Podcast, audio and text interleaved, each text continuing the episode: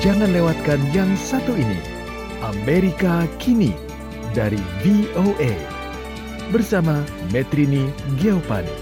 Tingkat kepercayaan publik terhadap Presiden Trump semakin menurun selama pandemi virus corona yang berkepanjangan di Amerika, resesi ekonomi dan kerusuhan sipil di Amerika Serikat. Kandidat Presiden Partai Demokrat Joe Biden yang menjabat sebagai wakil presiden semasa kepresidenan Barack Obama kini memimpin di atas 10 persen dalam berbagai jajak pendapat. Peningkatan itu sebagian besar disebabkan oleh sebuah kampanye yang kalem tetapi disiplin.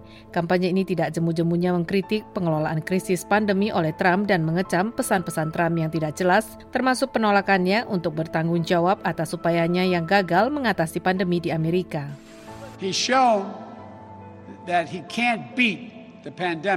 Coba bayangkan, sebagai presiden dan mengatakan, itu bukan tanggung jawab saya, saya tidak bertanggung jawab. Sungguh tak dapat dipercaya. Meskipun data polling yang suram, beberapa pendukung Trump menyatakan jika tingkat infeksi virus corona mengalami penurunan atau vaksin yang efektif tersedia sebelum pemilu November, prospek Presiden Amerika itu dapat meningkat. Patrick Bassam, seorang pengamat konservatif dari Democracy Institute, mengemukakan. The more the, the focus remains on the pandemic, the better Biden, better shape Biden's in. Semakin besar fokusnya pada pandemi, semakin baik posisi Biden. Jadi setiap isu atau kombinasi isu yang beralih fokusnya dari pandemi itu kemungkinan akan merugikan Biden dan membantu Trump. Pendukung Presiden Amerika itu juga melihat peluang ketika demo tuntutan atas keadilan rasial diwarnai oleh aksi kekerasan, kata mereka, penerapan hukum dan ketertiban yang dicanangkan Trump akan bergaung ke pemilih ketika kerusuhan terus berlanjut di beberapa kota di Amerika. Biden sangat berhati-hati dan tidak memberi dukungan terhadap seruan para pendemo untuk membubarkan dan menghentikan pendanaan polisi.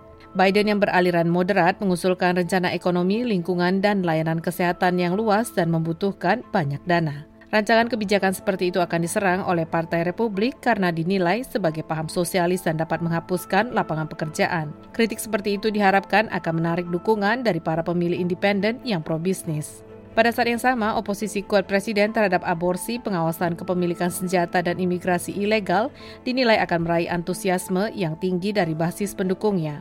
Pilihan Biden untuk mendampinginya sebagai kandidat wakil presiden perempuan yang akan diumumkan dalam hari-hari mendatang diharapkan akan menarik bagi sebagian besar konstituensi Demokrat. Tetapi ada juga kemungkinan pihak moderat merasa dipinggirkan kalau ternyata kandidat wapresnya terlalu progresif atau sebaliknya kalau kelompok sayap kiri menilai pilihannya tidak cukup progresif.